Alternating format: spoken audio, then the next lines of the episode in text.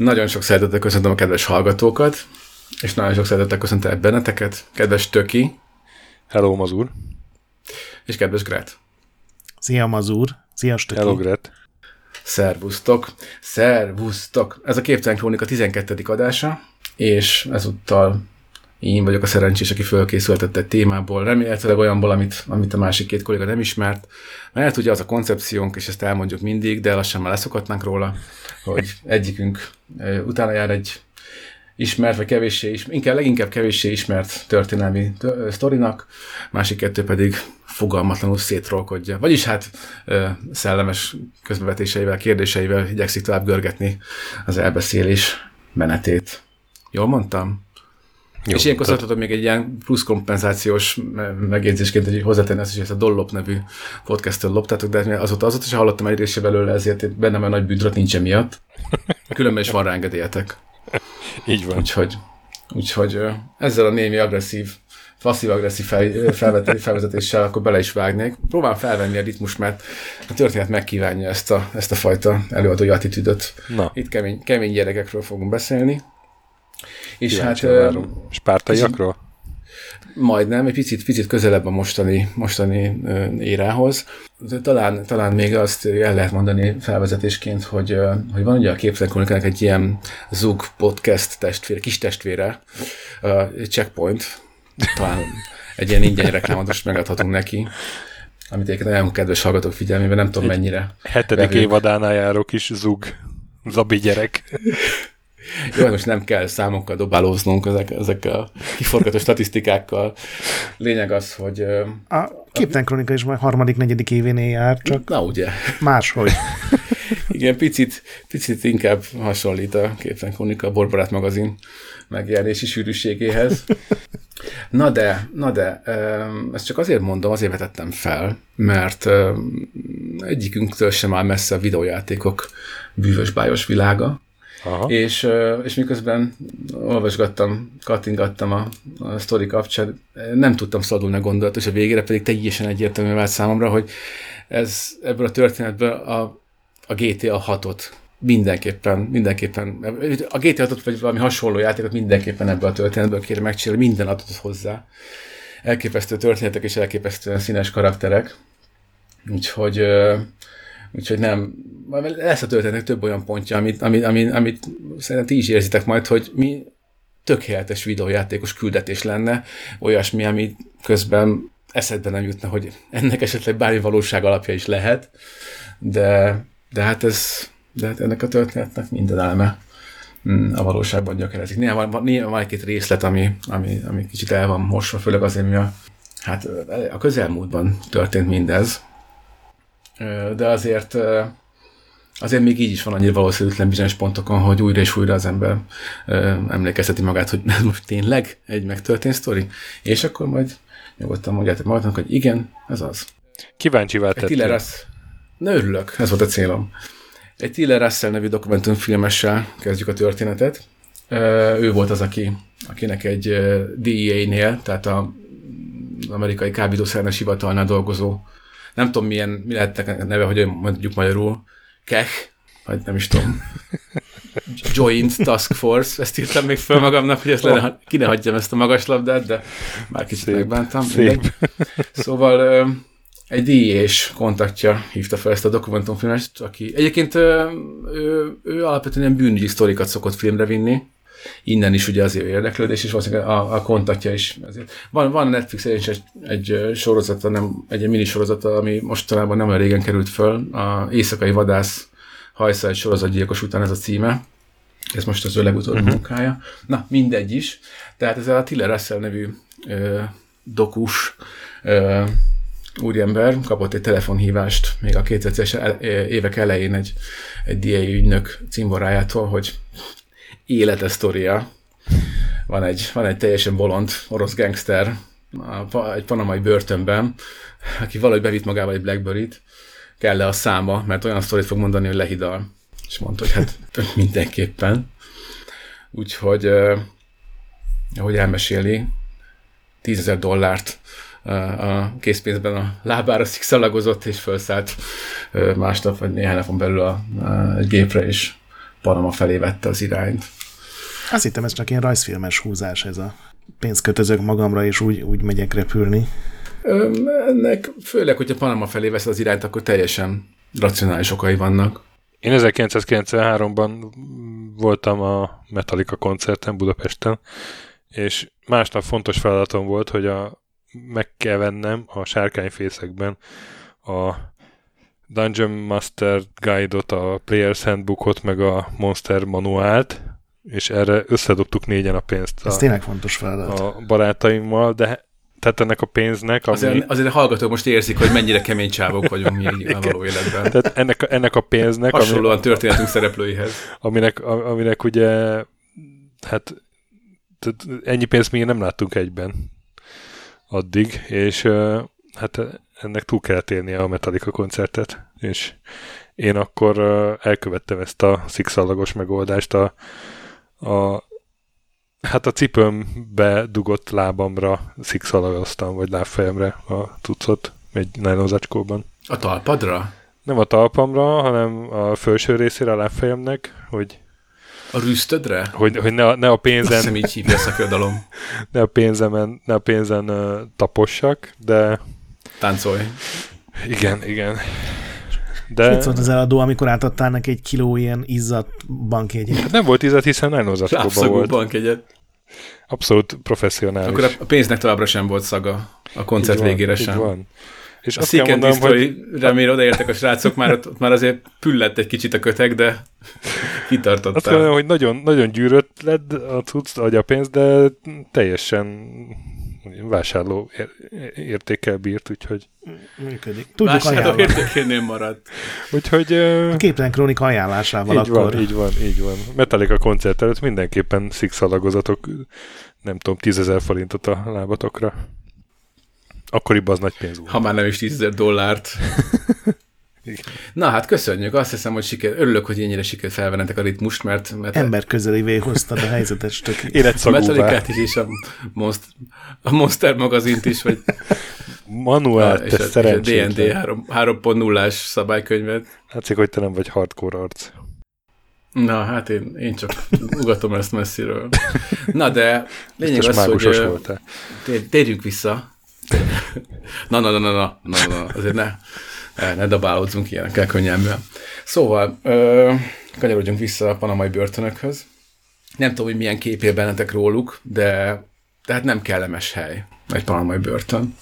A, egyébként itt eh, van ez, a, van ez a dolog, amikor az ember készül egy témával, és, és felmegy a Wikipédiára, és, és akkor így, így, így be tud, vagy így, így tud találkozni ezzel a, ezzel a Wikipédia lyuk nyúlüreg effektussal, hogy, hogy, hogy, hogy már nagyon messzire jutott onnan, ahonnan indult, úgyhogy ki, kilukadtam hamarot, hogy, hogy mégis mennyire rosszak ezek a börtönök, de pont az ellenkező ponthoz jutott, vagy ennek a végpontjához jutott- jutottam el, és ennek megfelelően gondoltam, fel is jön figyelmes töki, hogy nem messze tőled, a, ott a Bastoy Prison Norvégiában, ami a világ egyik legjobb börtöne, Na, tehát szá- fél óra autóút egyébként, meg azt hiszem a kompal kell még átmenni. De nagyon klassz, 10, 10, 100 rabra van szabva. Lehet lovagolni, teniszezni, horgászni, kis Aztán. kunyhókban éldegélni. Nagyon jó, farmokon lehet dolgozni. Hát gyönyörű napsütéses hely egyébként. És egyébként ott van, ott van a Halden, az a másik ö, norvég ö, luxus börtön, ami, ami a világ leghumanosabb börtöne címet is kiérdemelte valamelyik évben. Minden rabnak saját szobája van, vannak kézműves foglalkozások, edzőterem, tévé, játékszoba, és talán a legfontosabb van stúdió is, úgyhogy akár még lemez is lehet csinálni, vagy podcastet felvenni. de az internet De, akadozik, ö, biztos ez a büntetés. Hogy pici a Valami sávszél. ilyesmi le, kell, hogy legyen, igen. Valamivel, Igen, valamivel meg kell 33. törni a rabokat. igen. És a, meg fél, féllel arrébb vannak tekerve.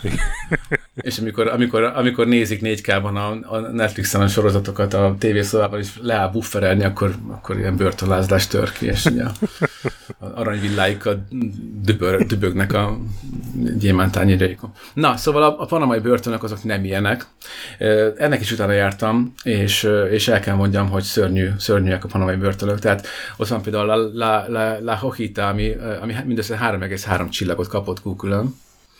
Tehát oh. ebből, ebből gondolom, hogy ez egy, ez egy földi pokol lehet. Négy csillag alatt már oda sem megyünk, jelpen sem meg. Hát még ha, visz, még ha vinnének sem. Ö, és, és jó, hát vannak, elég vegyesek az értékelések. Egyébként nem tudom, mennyire ad pontos képet egy, a, egy panamai börtönről a Google értékelés, de használjuk a technológiát, a lehetőségeket. Szóval elolvastam az értékeléseket is. Volt, aki öt csillagot adott, és azt írta, hogy nem rossz, van saját vödröm. mert ugye, hogy az előző helyen osztozni kellett rajta. Úgyhogy hát, pff, ahogy, ahogy nézed, ami rajtad tele múlik, van az a pohár, mazur Vagy a vödör, tele. vagy a vödör, igen. Csótányt találtam a tusolóban, would not recommend. Igen, és, és, és az, az érdekes volt nekünk, hogy azt írják, az emberek jellemzően ennyi időt töltenek itt, 2.15 perc, másfél óra. Ez nem is vészes. nem. Hát ez a, ez a gyors, gyors reagálású hadtest. Igen. Ami, ami viszont és most te esküszöm tovább megyek, csak ezt én muszáj szóvá tegyem, ami viszont szemet szúrt, az tényleg az, hogy az volt, hogy, hogy nyitva 024. Ami meg hát érted, én nem értek hozzá, tehát nem dolgoztam soha a büntetés végrehajtási fegyintézetben, de nem, szerintem ez nem biztonságos így, érted, nem akarok beleugatni, de Nekem ez is hülyeségnek A retrolendben is be kell állítani, hogy mikor van nyitva, és ott is 0-24-es nyitvatartást adtam meg, úgyhogy ilyen börtönszerű állapotok uralkodnak ott is. Kemény. Kemény. Szóval ott az egyik, egyik panamai börtönben raboskodott ez a, ez a Ludwig Feinberg Tarzan fedőnévre hallgató ukrán származású, hát, hogy mondjam, entrepreneur, vállalkozó, vagy, vagy, vagy, vagy hát a gangster az olyan, az olyan leegyszerűsítő, meg talán kicsit lekicsinlő lenne, aki ugye hát be, becsempészett egy Blackberry-t a, a, a, a bőribe, ami nem tudom, emlékeztek meg, hogy néztek ki a 90-es években, de nem lehetett egy egyszerű és fájdalommentes folyamat. És, és ugye a dokufilmes kontaktunk, ez a, ez a Tiller Russell, ez, ez be is jutott, ugye megállapodott egy őrrel, 1000 dollárt fizetett neki, 500-at, hogy bejusson, 500-at, hogy kijusson, mind a két része fontos volt számára a, a biznisznek, és mondta, hogy ahogy, ahogy megérkezett, át kellett rohanni a rabokkal teli udvaron, aztán benn volt, mikor összekerült ezzel a, a Tarzannal, akkor mondta, hogy ahogy meglátta, érezte, hogy ez, ez, ez, ez, egy, ez egy szuper jó sztori, meg, meg dokumentumfilm lesz, annyira, annyira e, sugázott az ipséről a, a, az igazi GTA életérzés. Úgyhogy el is kezdtek ismerkedni, haverkodni, dumálni. Mondta, hogy elég kemény a hely, mert hogy én nem, ezt sem, ezt sem tudtam, nekem ez is meglepő volt. Mondta, hogy az őrök azok esténként bezárták a helyet, és hazamentek. Úgyhogy gyakorlatilag éjszaka a, a, a rabok uralták a helyet, és reggelente mindig volt egy pár hulla. Amikkel mindig azzal kezdődött, hogy azt, azt hogy eltakarították. Szóval egy elég kemény szituba ugrott bele a, a, a jobban informált világért folytatott harcában ez a, ez a jó Russell Tiller. De Csak akkor hát, beköltözött pár napra a sitre? Igen, igen, igen. És Nehéz. hát ha ezek, ez ilyen falu méretű, ilyen ö, kommuna, tehát ott, ott, ott, ott, ott már igazából, ha már ben voltál, akkor olyan, olyan nagyon nem tűnt fel, most érted egyel több vagy kevesebb a, a, a vendég. Azt gondolnám, hogy egy Mindegy új ember ismert, olyan, mindenképpen. Hát talán ott a helyieknek biztosan, de hát, de hát ki jutott aztán emberünk, Úgyhogy, úgyhogy biztosan sem a rabok, sem a, a, az őrök nem nehezményezték, vagy, vagy valahogy nem, nem tudták meg ezt. Ö, szóval a lényeg az, hogy ö, sajnos a, a Tarzan, amikor megtudta, hogy, hogy, a, hogy a, hogy a Russell Tiller egy dokumentumfilmen dolgozik, ezért még És te vagy filmes. a főszereplő.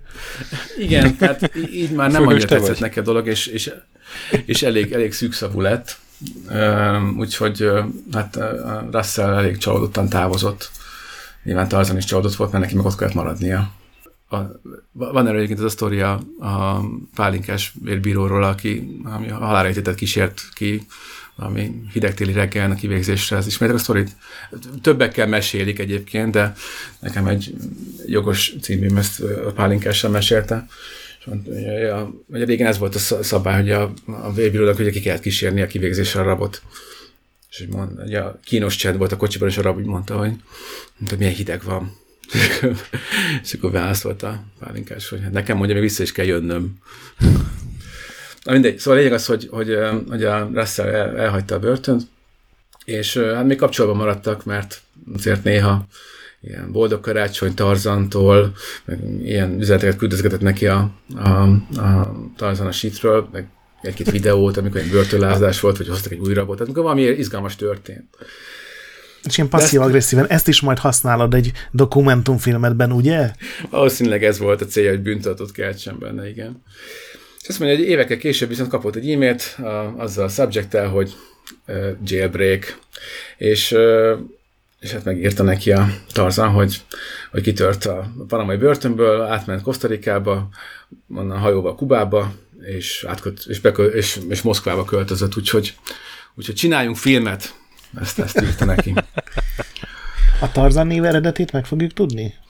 Alapvetően az alkatából ered szerintem. Tehát ő egy, egy ilyen nagy darab orosz figura, figurát képzel el, ilyen, ilyen körszakállas, ilyen kigyúrt, ilyen, ilyen légtínnyés csávot, tudod, aki ilyen, ilyen, ilyen, ilyen lefejelős testtartásban picit eltartott könyökökkel közlekedik, egy kidülesztett, mint a Tomi a kutya, ettől az az még, alkat. Ettől még, kon, ettől még Conan is lehet, nem muszáj Tarzannak lennie. Azt gondoltam, volt egy majma, vagy liánon közlekedett, kardja. vagy valami. Nem, ő Conman volt, nem, nem Conan. Hogyha Hí. érted, hogy értem. Liányosak az ismereteim. Na most, na most, ö, a, végül, végül ott ö, eljutott hozzá Russell Moszkvába, és ott elkezdtek, elkezdtek dumcsizni, ismerkedni. Nagyon szimpatikus volt, összeverkodtak, később mondta mondta Russell, hogy, hogy próbálta így érzékelni vele, hogy ez a sztori, ez állati jó tényleg, de hogy, de hogy ebből azért baja, baja lehet. Hogy, tehát, hogy biztos -e benne, hogy ezeket így vállalja, és hát, Tarzan már bele, bele lendült, meg bele lovalta magát, hogy filmet csinálnak, úgyhogy hogy csinálják rendesen, hogy így mindent, mindent elmesélt Russellnek.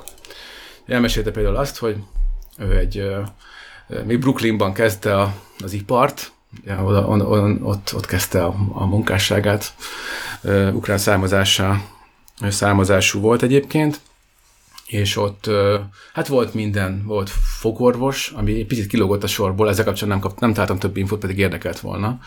Ugye a életművének a többi részehez képest mondjuk a fogorvos egy picit, picit így elütött.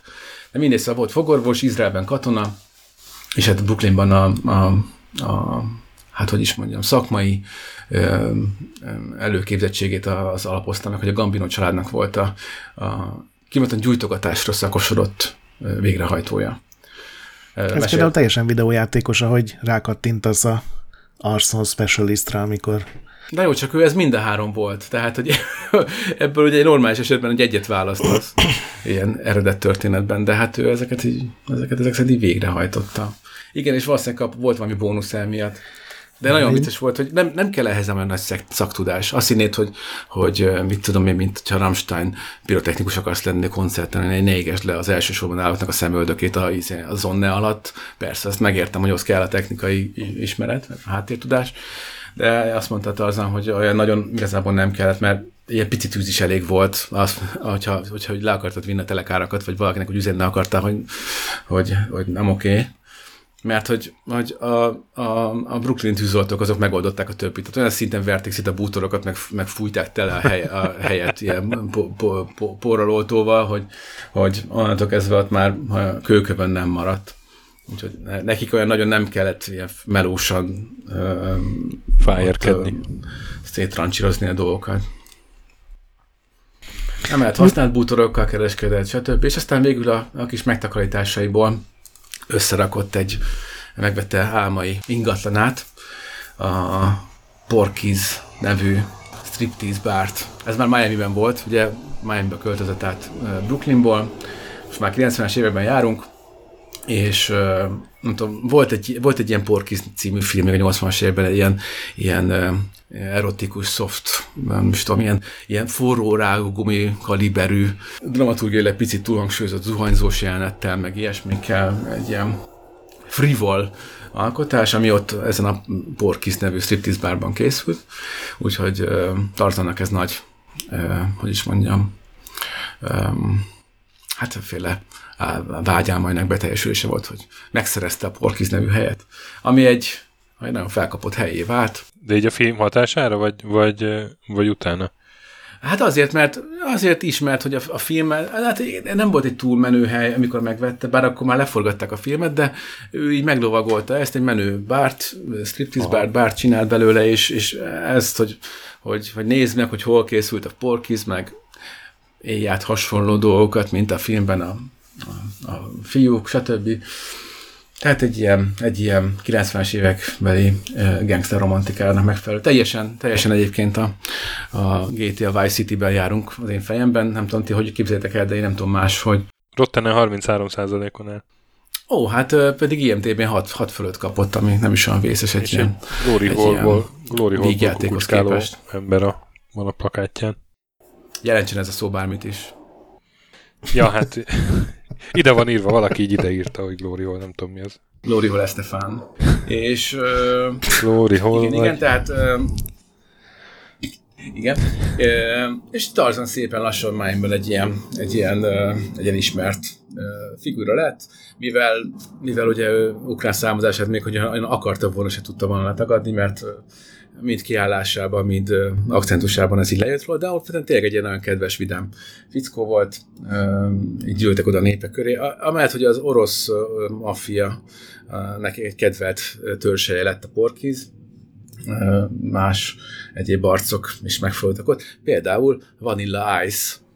A, Ó, a mester? A, a maga a mester, a, a zeneművész, akinek Jég-jég kisbaba című dalára egy nemzedék ropta annak idején a felpumpált Reebokban, vagy nem is tudom, British Nice-ban, akkor éppen mi, mi volt a menő, a 90-es éveknek melyik, melyik részén is járunk fejben.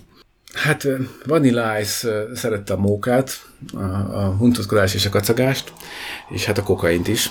És hát így ő, ő, ő hozta össze, ő mutatta be végül Tarzant egy Juan Almeida nevű üzletembernek, aki luxus autókkal kereskedett Miami-ban, aki egy nagyon jól beszélő, nagyon sármos, extravagáns figura volt, nagyon, nagyon szerethető, szellemes arc, és hát egészen más kaliber, meg más karakter, mint, mint, mint Tarzan, de valamire kett, valami minden kettő nagyon megtalálták közös hangot, úgyhogy elkezdtek haverkodni.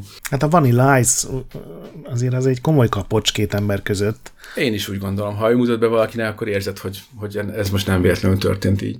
Na most ez a, ez a jó Juan Almeida, ő ugye hát azzal vált ismert témáimban, hogy, hogy hogy volt egy Exotic Cars nevű, nagyon jó, mert egy C-vel és egyben írva, tehát egy tökéletes marketing állt mögötte. Egy exotikus autókkal kereskedő vállalkozása volt, és, és jó kapcsolaté volt, tehát egy, mit egy új Lambo, vagy egy új Ferrari, mikor kikördült a futószalagokkal, akkor azok az embereknek fontos volt, hogy legyen meg nekik ugye a legújabb Lambo vagy Ferrari, az az Huanon keresztül ezeket nagyon gyorsan meg tudta szerezni, és ő, ő ezeket, ezt így, tehát ez, e, e, e, ezzel szerzett reputációt. Hogy. A másik szakterülete Huannak az a, azok, azok a speedboatok voltak, ezek a nagyon menő, nagyon gyors hajók, ami hát ugye a Miami életérzésnek egy fontos sarokpillére. Ez a speed, ez csak a sebességükre vonatkozik, vagy egyéb szolgáltatásokra is? Szerintem alapvetően a sebességükre, de az, hogy ezek a, ez, a, ez, a, ez a bizonyos sebesség, ez milyen szolgáltató tud lenni különféle kereskedelmi helyzetekben, az, az majd fontos része lesz a történetünknek, úgyhogy ne spoilerezz előre. Ne. Tehát lényeg az, hogy, hogy mivel, mivel ilyen nagyon menő, nagyon drága hajókkal is dílált Juan, ezért nyilván ehhez kellett egy, egy erre megfelelő kikötő, és, és a Fort Apache Marina nevű helyet, azt egy ilyen nagyon, nagyon felkapott, nagyon menő buli helyé fejlesztette fel, vagy hát világoztatta föl, és hát tényleg Mányban, aki, aki igazán komolyan akar bulizni, az, az oda ment. És mivel, mivel ez egy remek, hogy is mondjam, kiváló alkalmas volt ez a hely arra, hogy esetleg ott a kikötőnek ilyen diszkrétebb szolgáltatásait is igénybe vegyék, tehát mit tudom én, kipakoljanak olyan dolgokat hajókról, kisebb hajókról, amiket nem akartak, hogy, hogy egyesek, nem akartak, hogy a hatóság megtudjanak, azt is lehet. Tehát mondta, mondta Juan, hogy hát lehet, hát persze, hát ez egy, ez egy kikötő, itt ki, ki lehet kötni, ott van rakodó, ott lehet rakodni. Hát nem, ő nem feltétlenül akarja tudni, hogy pontosan mit rakodnak, hát mi köze lenne hozzá, elvileg, ugye?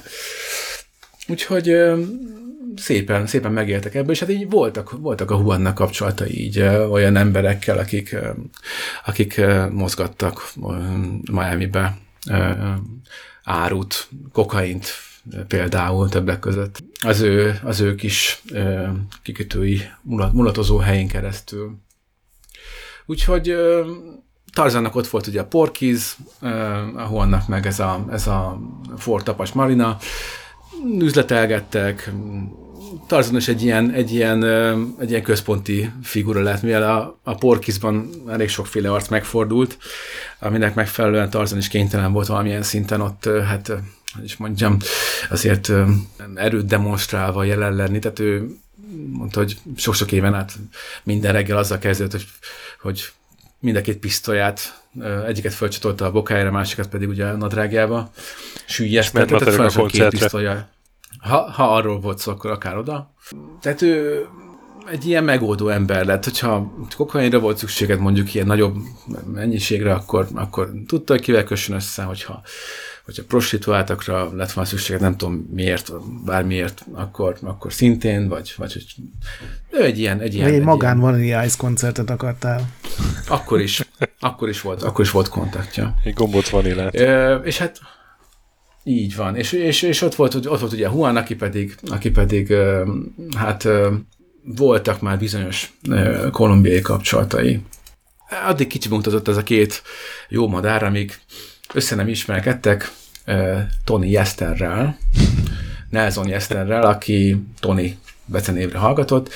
Na most ő lett ennek a triónak, és ugye eljutottunk ugye három karakterkör épített történethez, ami ezért mondtam a GTS szállat, mert tökéletesen egészíti ki a, a, a Miami Playboy, luxus autókereskedő Juan Almeidát, a ukrán származású izé, strip, striptease bár tulajdonos, nagyszájú megold, meg, meg, megoldó, megmondó ember, Tarzant, ő egy nemzetközi szökevény, drogkereskedő, és egy, és egy olyan igazán kemény arc. Tehát egy olyan igazán durva csávó volt, aki, aki értetlen volt, hogy, hogy, hogy, hogy ennek a két, amúgy nagyvilági szemszögből is vállalható figurának hogyan került a látóterébe.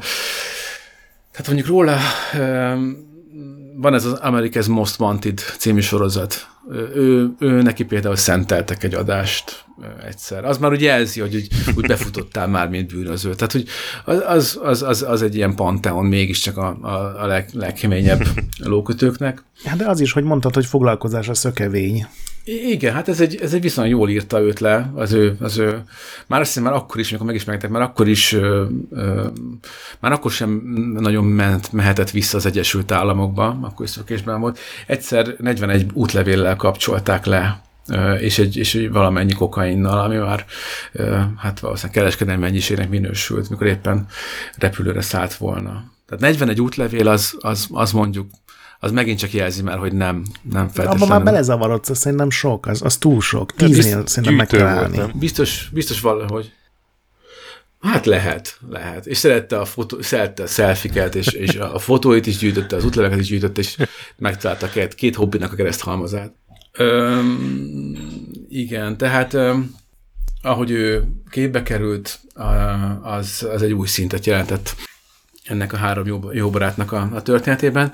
Na most szinte biztos, sejthető, de szinte biztos, hogy ugye a kubai származású Tony, hát ő kubai kémként is tevékenykedett, tehát valószínűleg ezért is tudott megúszni annyi mindent.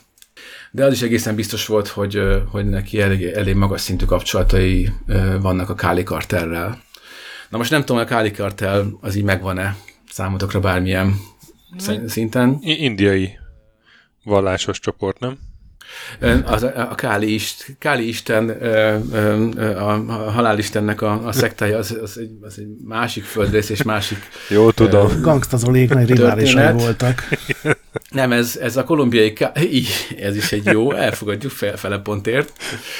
Nem, mert a dél-kolumbiai Káli városa környékén tevékenykedő, hát szövetkezet, vagy nem is tudom, milyen szerveződés. Stratégiai partnership. Vállalkozás. Igen, igen. Gazdasági Ani... munkaközösség. Igen, igen. Egy uneasy partnership of coyotes. Na tehát Káli városa környékén ö, rezidáltak ők. Egyébként a, a, hát még a Pablo Escobarnak a kiugrott emberei alapították a 80-as évek végén, és, és hát pont ebben a, az időszakban, 90-as évek elején, közepén voltak a csúcson, évi 7 milliárd dollár körüli forgalommal, és, és akkoriban ők irányították a, a világ kokain forgalmának 80%-át. A, ők hozták be először Európába a kokaint, ennek megfelelően az európai kokain biznisznek azt hiszem 90 valahány százaléka szintén az ő kezükben volt. Úgyhogy jó, jól ment nekik. A kérdés, hogy akkor Pablo Escobar az, az, az, az akkor kismiska volt-e, hogyha nekik ilyen ipari vagy piaci részesedésük volt. Na most egyrészt ez túlzás lenne állítani, de, de az tény, hogy, hogy mondjuk kokainban az ő módszerük az, az, az sokkal hatékonyabb bizonyult, mert a, az Escobar féle, hát, hogy mondjam, centralizált struktúrához képest az ő agilis vállalatvezetésük az, az, az, az, az, az megbízhatóbb és hatékonyabbnak tűnt. És a Tony ott milyen rangú volt? Um, azt nem, azt nem lehet tudni, hogy, hogy neki milyen rangja volt. Voltak kapcsolatai a, a Káli kartelnek egészen magas rangú embereivel. De Egyébként... Meg, meglepődtem ezzel, amit mondasz, mert én úgy hallottam, hogy az ESCO gazdaságos. Igen. Kivághatjuk Igen. nyugodtan. Nem, semmiképpen sem, de az a baj, hogy úgy fogsz hagyni. magad. Mert a kínos csöndből úgy be soha semmit magam, magam a poénjaim mögé, úgyhogy készülj föl, lehet, hogy orbitális röhögés lesz ott tőlünk így összerakva. Szóval Na, lényeg az, hogy, lényeg az, hogy a, a, a, a Káli Carter ebben az időben már tényleg nagyon keményen nyomta a 88-89 körül még ugye emberrablással alapozták meg, ugye, mint Harry Ford mondta, hogy a, a első milliómról ne kérdezzenek. Na hát ők, ők se érdemes, bár mondjuk fel van a Wikipedia, hogy nem is kell, de hogy a, a cég alapítása szükséges ilyen, nem is tudom, 700 ezer dollár körüli összeget, azt, azt még emberrablásból teremtették elő, de utána már becsületes kokain bizniszben utaztak főként, úgyhogy, úgyhogy utána már már, már nem, nem, nem mentek le erre a szintre. Utána már csak hobbi volt. Igen, talán csak így el, el, elkaristolgattak. Úgyhogy kicsit előre szaladva szintén ezt muszáj megemlíteni, hogy hát azért, mint minden történet, ez, ez is azért, hát hogy is mondjam, ez, ez most véleményes, hogy a jó győzedelmeskedik el, de hogy az igazság, ezért ez ilyen fura, szürkezónás dolog, főleg ebben a történetben. De hát azért a, a rend éverőre előbb-utóbb fel fognak bukkani a történetben, és hát, hát Szóval számukra azért uh, vicces volt, hogy ők, ők azt hitték, hogy, hogy, hogy Tarzan és, és a Juan azok, akik az agy a, a, a, a trióban. Az igazság, hogy, hogy, hogy ez a bizonyos Tony volt az, aki, aki, aki hozta egyrészt a Káli kartelből a, a, a, a füleseket, hogy, hogy mégis mire lenne szükség, meg hogy mikre van lehetőség, és a másik kettő igazából csak belelovalta, belelovaltak egymást abba, hogy hülye vagy, csináljuk, de, de, de tényleg csinálj csinálj, de tényleg, megcsináljuk, megcsináljuk. Ilyen, ilyen hozzáállással.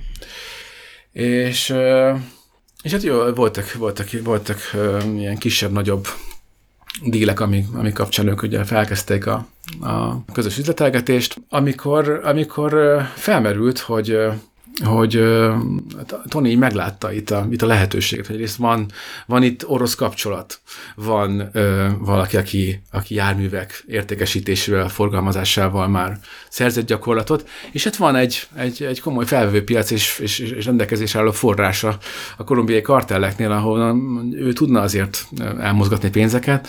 Ezt valahogy, valahogy össze kéne húzni ezt a három vonalat, és hát emlékezzetek vissza a 90-es évek eleje, 80-as évek vége, 90-es évek a legnagyobb kelet-európai történése a Szovjetunió összeomlása volt, ami még a független államok megalakulása előtt, e, e, idején, tehát az első időszakban, ez, ez egy óriási gépezet omlott úgy össze, hogy hirtelen teljes káoszban nem tudta a balkész, hogy mit csinál a jobb, és, és hát egy ilyen szabad szabadrablás vette kezdetét, kezdetét a, a volt Szovjetunióban. Még jó, hogy csak oda lokalizálódott ez az esemény. Igen, hogy más országokban nem volt ilyen, hogy rendszerváltáskor loptak. Most történetük szempontjából ez irreleváns. Ez most, ez most mint, a, mint a fizikai példákban a surlódás vagy gravitációt, ezt most, ezt most irrelevánsra tekintjük. Amitől nem lesz életszerűbb a történet, de a történetünket... Vegyük úgy, hogy állandó nyomáson történik. Az volt, állandó nyomás az volt, azt hiszem egész terület, vagy egész régióra, régióra mondhatjuk. No, tehát és hát adta magát, hogy ott ez a, ez a, ez a, ez a nagy orosz, orosz hadsereg, szovjet haderő. Most, hogy már igazából Szovjetunió sincs, ki, ki az, aki háborúzna itt az Egyesült Államokkal? Most, most ott van az a rengeteg ö, hábor, harcászati eszköz, kinek kell az már? Ott áll igazából csak a rostelepi. Úgyhogy de felmerült ugye a Káli Karta részéről, akik ugye már többször vásároltak be Huannál különféle speedbotokat, mivel igazán kiválóan alkalmas volt arra, hogy, hogy akár, akár pár száz kiló kokaint is elmozgassanak vele A-ból B-be, amiben a B szinte minden esetben a Miami-ban a, a, a Huannak a kikötőjét jelentette. Felmerült, hogy ez egy kicsit nagyobb, nagyobb, nagyobb bizniszre lenne szükség. Lehetne itt a, a szállításon optimalizálni. És akkor beindult az ötlete is, hogy, hogy mégis milyen léptékben kéne akkor emelni a, emelni a tétet, hogyan kéne fejleszteni az üzletet hatékonyság szempontjából. És nem tudom, mennyire vagytok otthon a különféle repülő eszközöknek a a harcászati gépeknek a, a, a, mennyire hobbitok ezeknek a követése, de, de volt egy bizonyos Kamov nevű gép, ami, ami, ami igazán elismert és, és, és megbízható darabja volt a, a, a szovjet haderőnek, ez egy szállító helikopter volt. Azt akartam mondani, hogy ez egy, ez egy ilyen batár helikopter, ugye? Ez egy batár helikopter volt, mondhatjuk így. Vagy hát nem tudom, egy, biztos van egy csomóféle Kamov, én, én egy, egy, egyet így láttam valami repülőnapon, vagy nem Kiné- tudom. De kinézetre, ki, Uh-huh, mondjad. Igen, tehát kinézetre ezek, ezek nagyjából ö, ö, azt hiszem a Kamo 25-öst, KA25-östől indultak, azt hiszem az volt az első talán, de, de nagyon nem merek semmit mondani, mert aki viszont ért hozzá, az nagyon szokott érteni ezekhez a dolgokat, és biztosan, ha valamit rosszul mondok, akkor, akkor nagyon csúlyákat fog, fognak írogatni nekünk, nekem a kedves hallgatók. De lényeg az, hogy ezek, ezek, a, ezek már 32-esek voltak Kamov KA32-es gépek, amikre, amikre, amikre lehetőség nyílt, hogy hát jó áron meg, meg, meg, meg lehetne esetleg vásárolni őket. A, ugye volt a szovjet hadsereg állományából. Azért esett erre a választás, mert, mert ezek a Kamov gépek, ezek ilyen dupla rotorosak voltak, ilyen ellenforgó mm, koaxiális rotorjuk volt. Ha esetleg előtted van, akkor ez, ez a legjellemzőbb vonás ezeknek a helikoptereknek, hogy egyrészt batár, és nagyon sok nagyon nagy súlyokat képesek voltak felemelni, és, és, a, és az a dupla rotor, ez, ez jellemző, jellemző vonásuk. Tehát ezzel már 5 tonnát is föl lehetett cuppantani, és, és vinni A pontból B-be, ami hát azért jelentős műveleti optimalizációt jelentett volna a Káli kartelnek ugye 200-300 mérföldre az, hogy, hogy elráncsanak 5000 kilót, azért az, az, az mondjuk egy nagy, nagy segítség.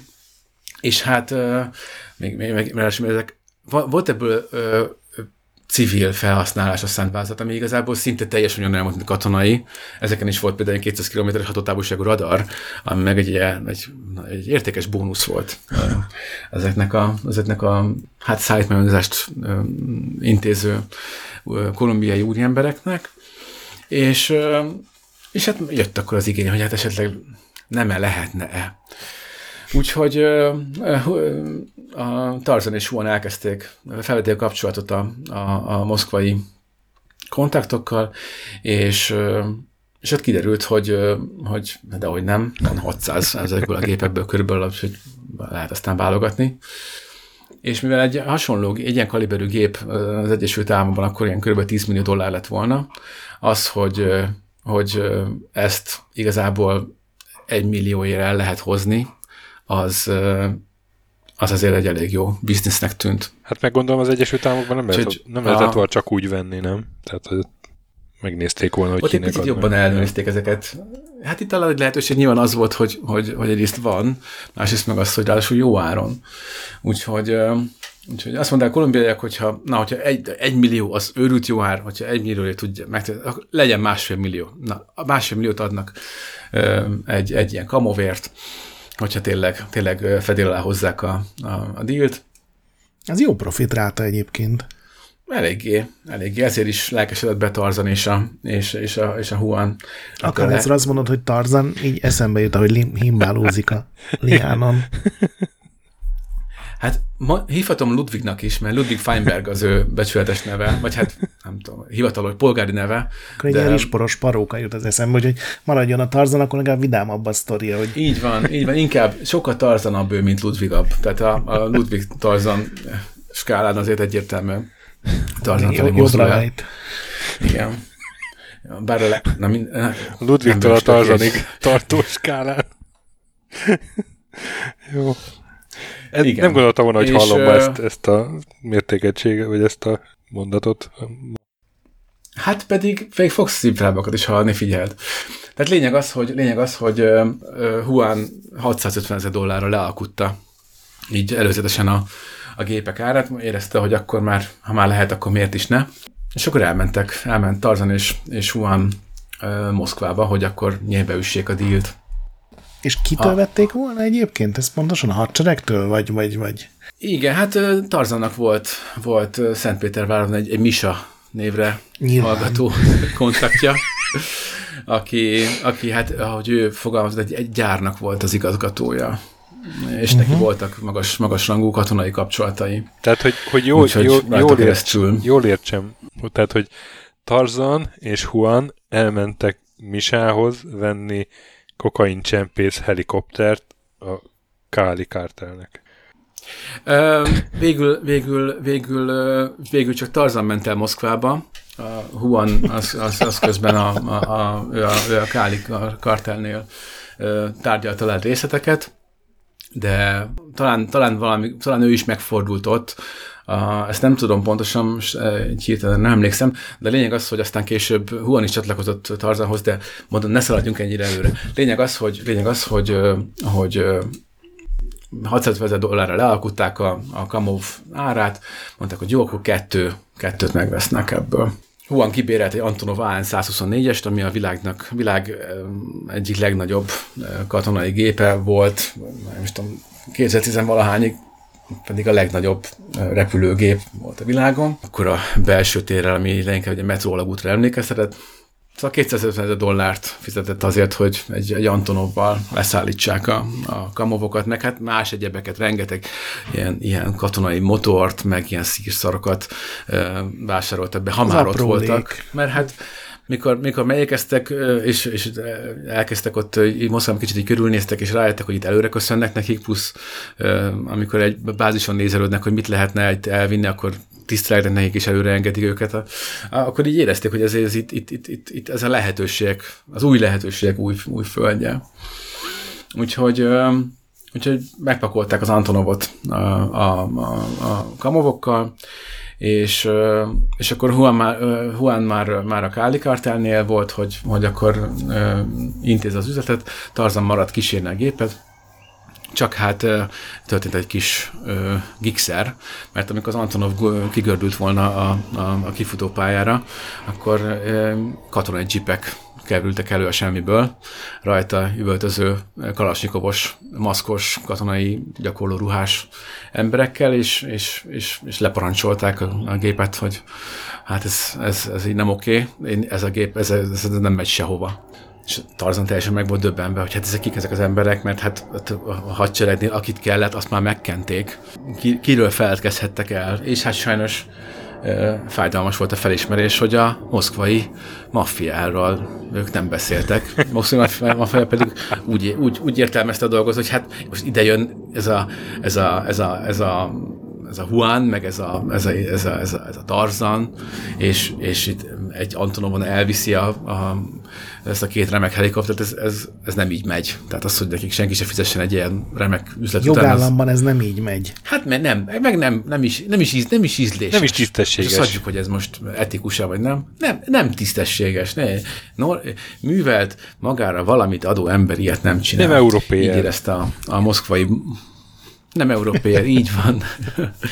és, és hát nem tud gyöngéden, de annál határozottabban Kalasnyikovot toldva a Tarzanék bordájába. Próbálták felhívni a figyelmüket arra, hogy ez fáj nekik, ez szomorúvá teszi őket, és, és, és ez így nem jó.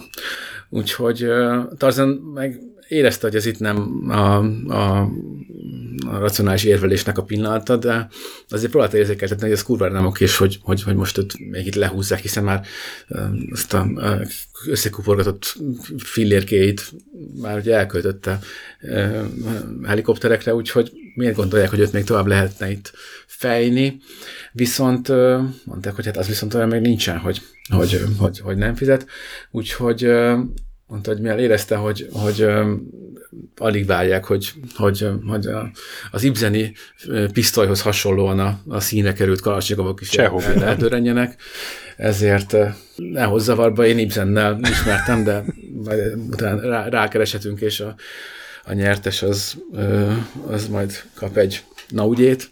Tehát um, mondta nekik, hogy nem, nem fog tudni, nem, nem, nem akar és nem is fog tudni nekik fizetni pénzt, de kaphatnak esetleg kokaint.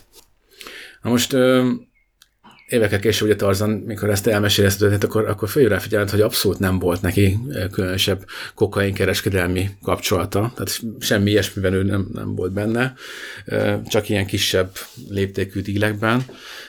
Huannak volt valamiféle kontaktja ilyen arcokkal, és hát leginkább Tony volt az, aki, aki, aki, aki a Káli kartellel stratégiai egyeztetéseket folytatott, de hát mondta, hogy valamit muszáj volt mondani, mert, mert nyomasztották a kalasnyikovok, és érezte, hogy, hogy kíváncsi tette a, a, az orosz maffiát.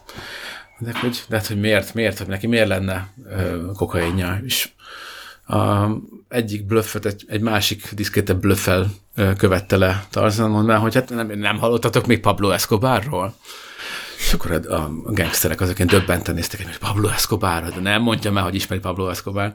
Tehát az mondta, hogy ne, ne szórakozzunk, hát ki, ki más venne Kamov helikoptereket drogszállításra, hát mint nem, mint, ha nem Pablo Escobar, hát itt van a telefonjában. Jó, hát Juan néven, de hát nyilván emberek, hát ezért van biztonság is van a világon, de most fölhívja nekik, és, és ide, ide jön a Pablo, hogyha, hogyha nem hisznek neki. Hát nem hittek neki, úgyhogy, úgyhogy mondta, hogy volt akkor kicsit duzzogva fölhívta Huant, aki közben a Kolumbiában ült, és, és szopogatta a mohitóját, és mondta neki kicsit remegő hangon, hogy Pablo, Pablo barátom, van egy kis gond, ide kéne jönnöd, mert mert adott, adott egy kis, egy kis gigszer, úgyhogy ezt el kéne simítani itt a félreértéseket. Úgyhogy gyere Pablo, gyere, mert, mert nagyon szeretnék találkozni veled, Pablóval, a, a nagy Pablo Escobarral, új orosz barátaim, akik egyébként a maffiánál dolgoznak. És akkor Juan mondta, hogy hát egy picit így megállt a kezében a szívószál, hogy most végig is mi a tök, de hát ha ez van, akkor ez van. Ja, a barátság az barátság, úgyhogy gépre szállt, és, és Moszkva felé vett az irányt. Tarzannak nagy szerencséje volt egyébként az, hogy ő, hogy Juan Almeida tényleg nagyon hasonlított Pablo Escobarra. Tehát bajusz nem számolva, abszolút ugyanaz az arcszerkezet, úgyhogy még viccelődtek is ezzel többször korábban, de hát mondjuk aki már találkozott Pablo Escobar, valószínűleg azért levette volna, hogy de hát ez nem az az ember. De szerencsére a moszkvai ö, nem találkoztak még Pablo Escobar, csak, inkább csak a hírét hallották.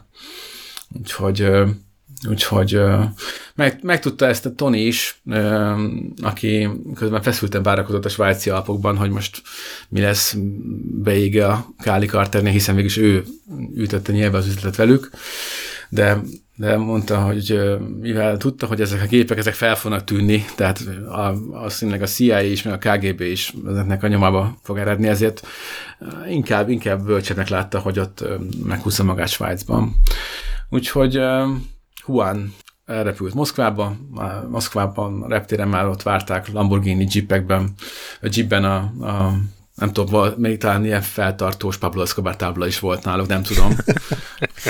Nagy kiállott zicser lett volna, ha nem, vagy csak annyi, hogy Pablo. És e, e, bepattant a, a, az úgy emberek mellé a jeepbe, és száguldottak a, a, a meg nem nevezett célállomás felé.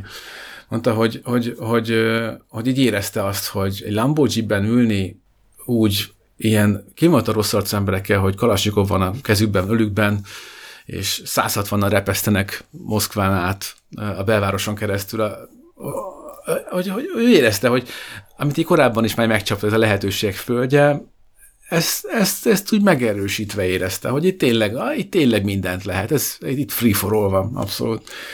FFA, malaciga a végsőkig. Úgyhogy megérkezett, mondta, hogy hogy, hogy bekísérték egy nagy tárgyalóterembe, ennek a sarkában ott ült Tarzan, ahogy, ahogy, ahogy Juan visszaemlékezett, nem az a Tarzan, akit ő ismert, hanem, hanem egy olyan Tarzan, aki leginkább egy leeresztett luftballonra emlékeztetett. Akkor Tarzan, Tarzan ült ott. Tor, így van, csak Torzan de látható megkönnyebbüléssel lépett oda hozzá, és ölelte meg, hogy Pablo, Pablo, de jó, hogy itt vagy, Vink, csak vink. keményen. És így a fülébe súgta, amikor megölelte, hogy keményen, kemény, csak keményen. Úgyhogy, úgyhogy Juan minden színészi képességét, ami egyébként volt neki, hiszen sikeres használt autókereskedőként gondolhatjátok, hogy, hogy által, és általában nagyon jó üzletember is volt, mert hogy olyan jó szélszes is volt, úgyhogy nyilván ment neki a, a szövegelés meg a, a fakítás. Úgyhogy előadta, előadta a legjobb Pablo Escobar számát. Magyarán egy ilyen, egy ilyen igazi mean motherfucker sztájt vett elő, és, és mondta, hogy na, akkor miért kellett neki idejönnie Moszkvába? És uh, nagyon sikeres volt a, a, a, a produkció, mert a, a mafiózók nagyon tiszteletudóra vették a figurát, mondták neki, hogy, hogy nézd Pablo, tudjuk, hogy ezek a gépek a tieid, semmi bajunk ezzel, tényleg használd egészséggel, fly safe, meg hát az emberedet sem elrabolni akartuk, hanem, hanem csak beszélni, dumálni akartunk, hogy, hogy, mert hogy, hogy, hogy igazából képviseli szeretnénk téged. Efféle, tehát szeretnénk a, a, a külképviseletet lenni itt, itt, itt Moszkvában, és hát az igazán így megtisztelő lenne, hogyha, hogyha Nagy Pablo Escobar uh, Enterprise-nak valamilyen fajta kiegészítéseként mi lennénk azok, akik, akik kiteríthetjük a, a, a kokaint, amit, amit a derék jó munkás emberek megtermelnek ott a napsütötte Kolumbiában. Mondta, mondta Juan, hogy hát ennek semmi akadálya, milyen, milyen mennyiségre lenne szó. Mondták, hát egy olyan 50 kilóra gondoltak egy első körben. És akkor egy ilyen, egy ilyen érdekes pont jött el a tárgyalásnál, hogy döntenie kellett a Huannak, hogy most mennyire tolja túl a karaktert. Mondta, hogy hát akkor, akkor rendesen nekiáll. Úgyhogy elkezdett kurvanyázni, hogy 50 kiló, hogy, hogy, hogy magatoknál vagytok, ezért jöttek, ezért reptettetek ide Moszkvába 50 tetves kiló kokainet. Tehát tudjátok, hogy ugyanannyi idő összepakolni 50 kiló kokainet, mint, mint 2500 kiló, vagy 5000 kilót. Most nem mondja, mondjátok, könyörgöm, hogy nem ezért repültek. Szóval bedobta, bedobta a szélszest, és akkor kicsit zavartan mondták a, a, a, a mafiózók. Jó, hát még nem nagyon utaznak kokainban, nem egészen báják, meg hát Ja, akkor javasoljon ő valamit, hát nyit, nyitottak bármire. És akkor mondta, mondta hogy na jó, akkor elmondom, mi lesz. Adtok nekem egy, egy, egy safe house, egy, egy, egy ilyen egy biztonságos ingatlant, ahova én, behozom az embereimet, hozok ide kolumbiaikat. Lesz tudsz annyi, amennyit fel tudtok szedni, azt, ami, azt vihetitek, de mozgatni kell az árut, mert én nem, aztán nem fogom őrizgetni a végtelenségig. Amennyi kell, annyi lesz, de, de, de kelljen, és vigyétek, mert különben nem leszünk jóba érje már meg. Nem azért dolgozok, hogy elfáradjak én sem, mondom. De ezt már csak hozzáköttem. Mondták, hogy harású, harású, nazdarovja, nazdarovja, nagy boldogság, puszi, puszi, ölek, izé, fel, le, levegőben lövő kalasnyikovok, kocintás, és, és nyelbe ütötték az üzletet.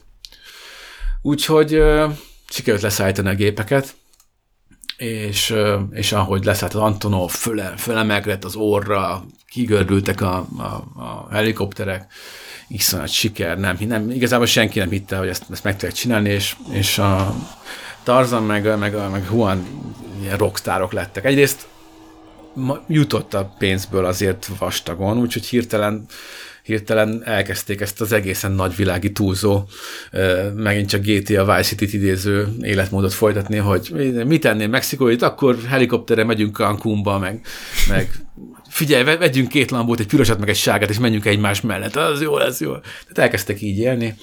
A, a, a Tarzan például limóval ö, vitette, sofőr vitte limóval a, a kislányát az oviba.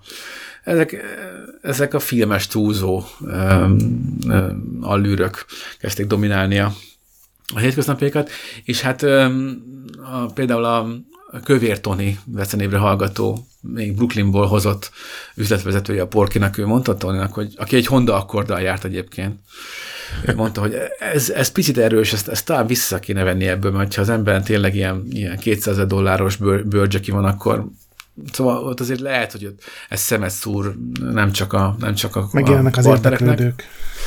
Igen, igen, úgyhogy, úgyhogy, úgyhogy nem, is, nem is mondott hülyeséget a, a kövér Tony, mert, mert a, a, a DEA ekkor figyelt föl, úgy igazán rájuk, hogy ennek, ezeknek az arcoknak azért kicsit utána kellene járni.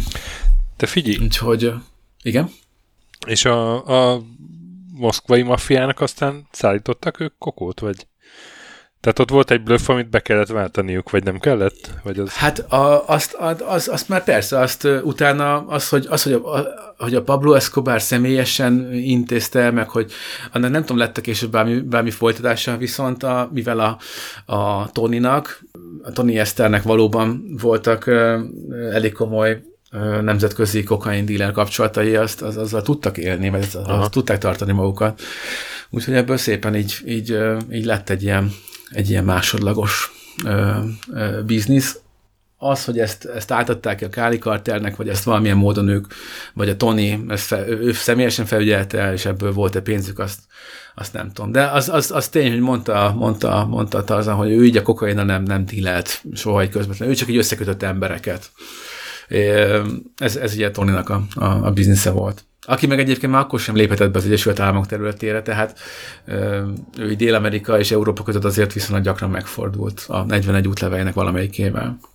Úgyhogy, na szóval a DA az rájuk szállt, és, és egy Alex Jeszevics nevű különleges ügynököt bíztak meg azzal, hogy, hogy épüljön be, és erre volt egy, egy ilyen korábban a Tarzannak egy ilyen gyerekkori jó barátja, egy, egy Grisha Royzis nevű gangster, aki tényleg egy, egy ilyen utolsó féreg volt. Nem csak azért, mert hogy hogy gyakorlatilag a gyerekkori barátját elárulta, hanem hát nem volt ő egy, egy, egy, egy jó ember, amúgy sem. És hát ő már egy ideje a, a DEA-nek szállított infókat, és, és ezzel próbált egy a saját senkét védeni.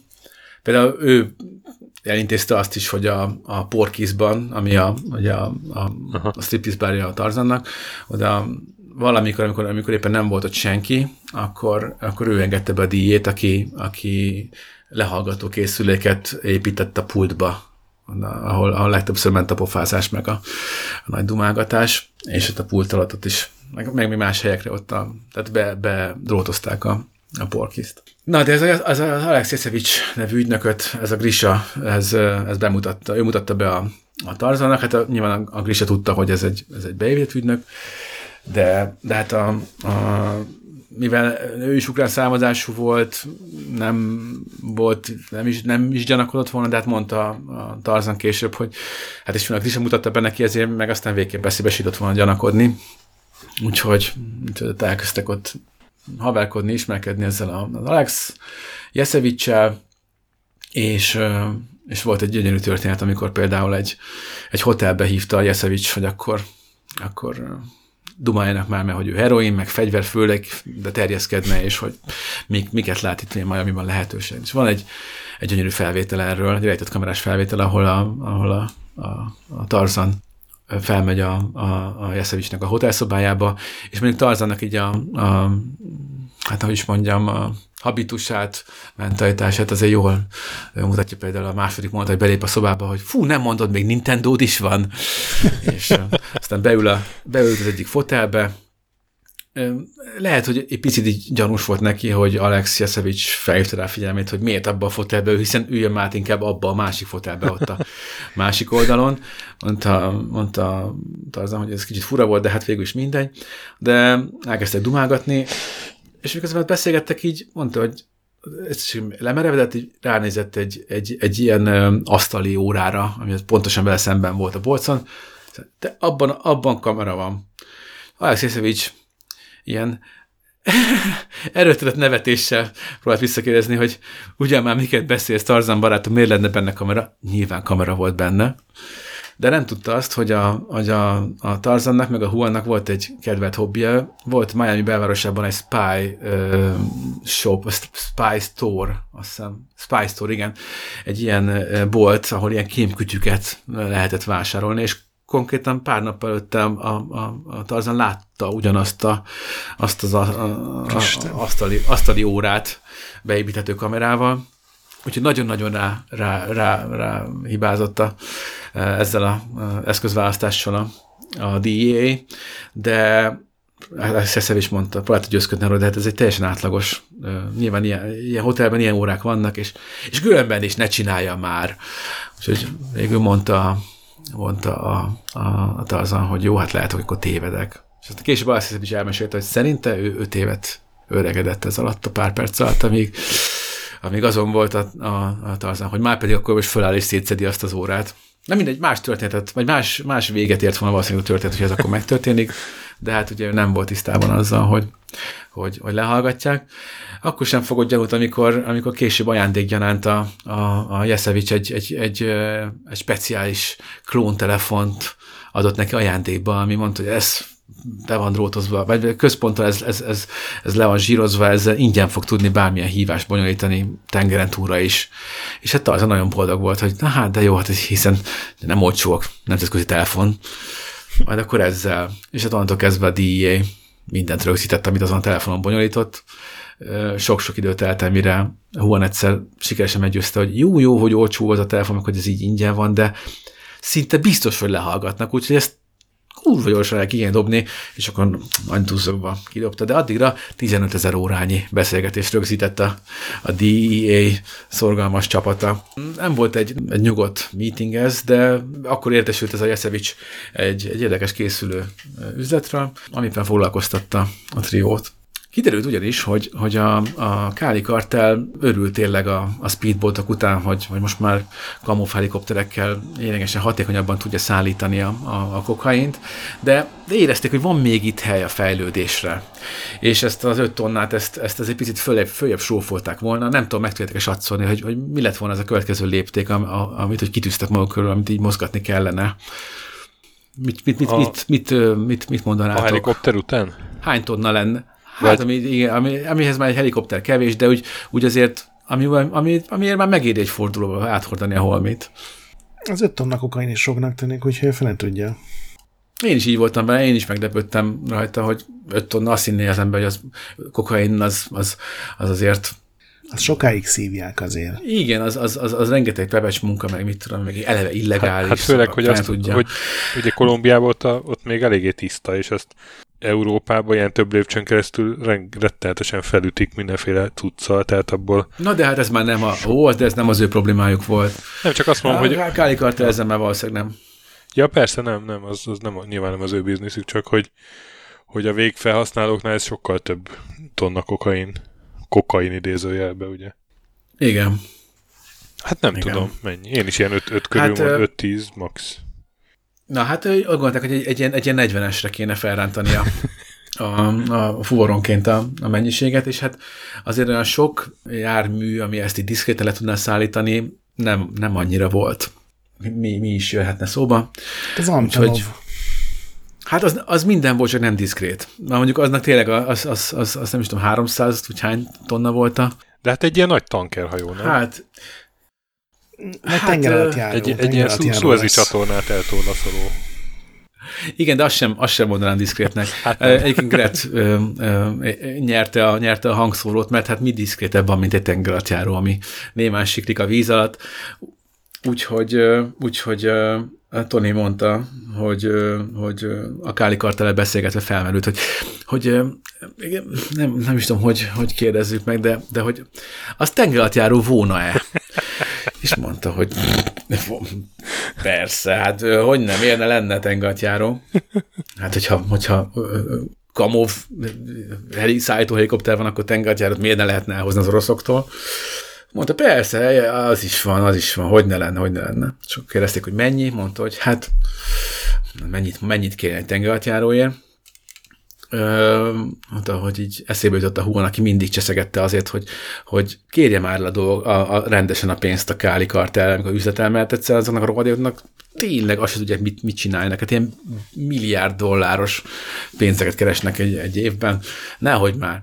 És így mondta, hogy hát így megnyomta a ceruzát így fejben, és mondta, hogy hát szóval legyen 50 millió. És azért ez a Káli karteles kontaktnál is azért így kérdezték, hogy hát azért Ó, eszednél, nincs. eszednél vagy-e ember? Mondta, hogy nem, miért kell fillér? Mi bű van ez? Filléreskedni, filléreskedni, igen. Matematikus ön, most ezt hogy számolta ki, hogy most, hát hiszen érted, ezer, ezer dollár egy kiló, vagy micsoda, ezer, ezer, ezer dolláros izé, árésre számolva, hát a, a 40 tonna az, az egy út alatt behozza az árát, mondták neki a Káli kartelles kontaktok, hogy jó, jó, jó, végül is, végül is, végül is jó. És egy nagyon mókás, hogy, hogy később a Tony, tony kérdezték, hogy egyébként mennyi, mennyi volt a végső ár? És, és az a pillanat, hogy ő elröhögi magát, hogy hát Tarzan is biztos mondan egy árat, Huan is biztos mondan egy árat, de hát csak ő tudja az árat. Tehát ebből, ebből világos sem vált, hogy igazából azért ő a saját barátait is átvert az első perctől kezdve. Mindegy, lényeg az, hogy hivatalosan, félhivatalosan mondta, azt mondta, hogy 30 millió volt az év, a vége, plusz 5 millió költség, és akkor mondta, mondta a srácoknak, hogy, hogy hát jött egy ilyen igény, kéne. Teljesen be, bepörögtek, hogy Na hát ez, ez már aztán valami tényleg a tengatjára, de hát most ezért ez, ez már azért tényleg több a soknál. Minden esetre a Tarzan fölhívta a régió Misa barátját Szent, Szentpéterváron, hogy Misa, Misa lenne egy, lenne egy ilyen furcsa kérdés, hogy, hogy tengeralattjára tudnál-e szerezni. Mondta, mondta, Misa mondta, hogy hát ez, ez tényleg fura, de, de hát meg, megnézi, mit tehet. Két nap múlva csöngött a telefon, igen, igen, lehet. A kérdés az, hogy nukleáris töltettel, vagy anélkül. És mondta Tarzán, hogy ez volt az a pont, ahogy érezte, hogy hmm, kezd komolyra fordulni a helyzet. Most legyen anélkül. Igen, hát Misa beszélt egy admirálissal, és leszervezett egy találkozót egy tengerjáró kapitányával, aki, aki már várta őket, úgyhogy, úgyhogy a kis csipet csapat felkerekedett, és ismét elindultak Moszkvába. Találkoztam a kapitányjal, ő hozott magával néhány admirálist, és erre úgy emlékszik egyébként vissza Tony, hogy annyi csillag volt ott, hogy azt hittem, hogy az eget nézem. Tehát valószínűleg egészen magas rangú katonai arcok is tiszteltüket tették a megbeszélésen, egy étteremben találkoztak, bevodkáztak és elmentek szaunázni. Amiből először Tony megpróbálta kivonni magát, de hát a Tarzan mondta, hogy ezt, ezt ne csinálja, ezt felejtsen nagyon gyorsan, mert azért ez a tiszteletlenség legnagyobb jele. Mert ugye hát nem csak azért mennek szaunázni, mert az jó meleg, hanem azért, mert ez egy, ez egy ilyen bizalmi helyzet, ezzel fejezik ki egymásnak, hogy nincs rejtegetni valójuk, láttál már mesztelenül, akkor igazából minden tudsz rólam, stb. Úgyhogy nagyon gyorsan dobálja a ruháit és csatlakozzon mondta Tony, hogy de hát én Kubában születtem, tehát ez az én kultúrkörömnek azért nem annyira szerves része, úgyhogy egyrészt nem, másrészt meg jó, akkor átgondolja, menjen előre. Visszament a Tarzan méltatlankodva, hogy milyen emberek vannak, és tíz perc megint rohant ki, hogy figyelj, figyelj, figyelj, ezek nem normálisak, ezek, ezek, ezek, ezek, ezek nukleáris tölteteket akarnak ránk sózni, az nem kell. És mondta, mondta, mondta a, a, a Tony, hogy, hogy hogy, hogy, hogy fókusz, fókuszáljon, tengeralattjára jöttünk, most nem, nem kell nukleáris töltetek, legyen és próbálj meg koncentrálni és, és, és, és, a, és a tárgynál maradni, mert, mert most egyszerre egyet jó, úgyhogy duzzogva visszament a Tarzan az admirálisokhoz a, a szaunába, és akkor meg így visszafolt, hogy ez gondolkodj rajta. Amikor így mondta nekik, hogy én vennék, de nem akarja. Igen, valószínűleg így ezt, ah, ez, a, ez, a, ez a party killer. Úgyhogy Tony végül csatlakozott, ott, ott, ott jattolgattak, haverkodtak, és, és egyszer csak váratlanul mondta Tony, hogy na jó, de hát meg kéne azért nézni, nézni a, a helyet, meg hát az árut. És hát lefagyott a, a Tarzan meg a Huan, mert hát azért a, egy tengeralattjáró bázis azért egy, hogy is mondjam, ezek, ugye általában ugye legvédettebb, legbizalmasabb katonai létesítmények. De hát az admirálisok már, volt annyi vodka meg jó indulat, hogy mondták, hogy hát persze, hogyne, hogyne, hogyne. Úgyhogy gyakorlatilag egy, egy, egy szuper titkos tengeralattjáró bázisra vitték őket, és nem az, hogy beengedték, de hogy tiszteltek nekik az őrök, mentek, és gyakorlatilag egy ilyen, egy ilyen turista ö, tárlatvezetést kaptak, megmutatták neki, itt van az irányítórendszer, itt van a kommunikáció, na hát hány ember fér el itt, meg ott. Teljesen szürreális volt az élmény, hogy hát most ők shoppingolni jöttek, ők hogy fizető vendég, tehát nyilván megkapják a VIP ellátást, és, és így körbenézelődtek, és a Tony közben oda súgta Tarzannak, hogy kéne fénykép. És a Tarzan teljesen készen lett, mert hát na jó, hogy eddig eljutottak, de hát azt, hogy most még fotót is csinálnak, az már tényleg abszurdum. De mondta, hogy de kell a fénykép, mert a Káli Karterben ott, ott várják a, az infot, meg kell a bizonyíték, nem, nem, nem fogják ezt csak úgy bemondásra elhinni. Úgyhogy uh, Tony a Tarzan kezében volt egy kamerát, és hát Tarzan a maga jó indulatú módján gondolta, hogy most akkor stikában próbálja fotózni, vagy ne. És végül úgy döntött, hogy hát legjobb az egyenes út, úgyhogy a kapitányhoz volt, hogy, hogy fotót csinálhatok?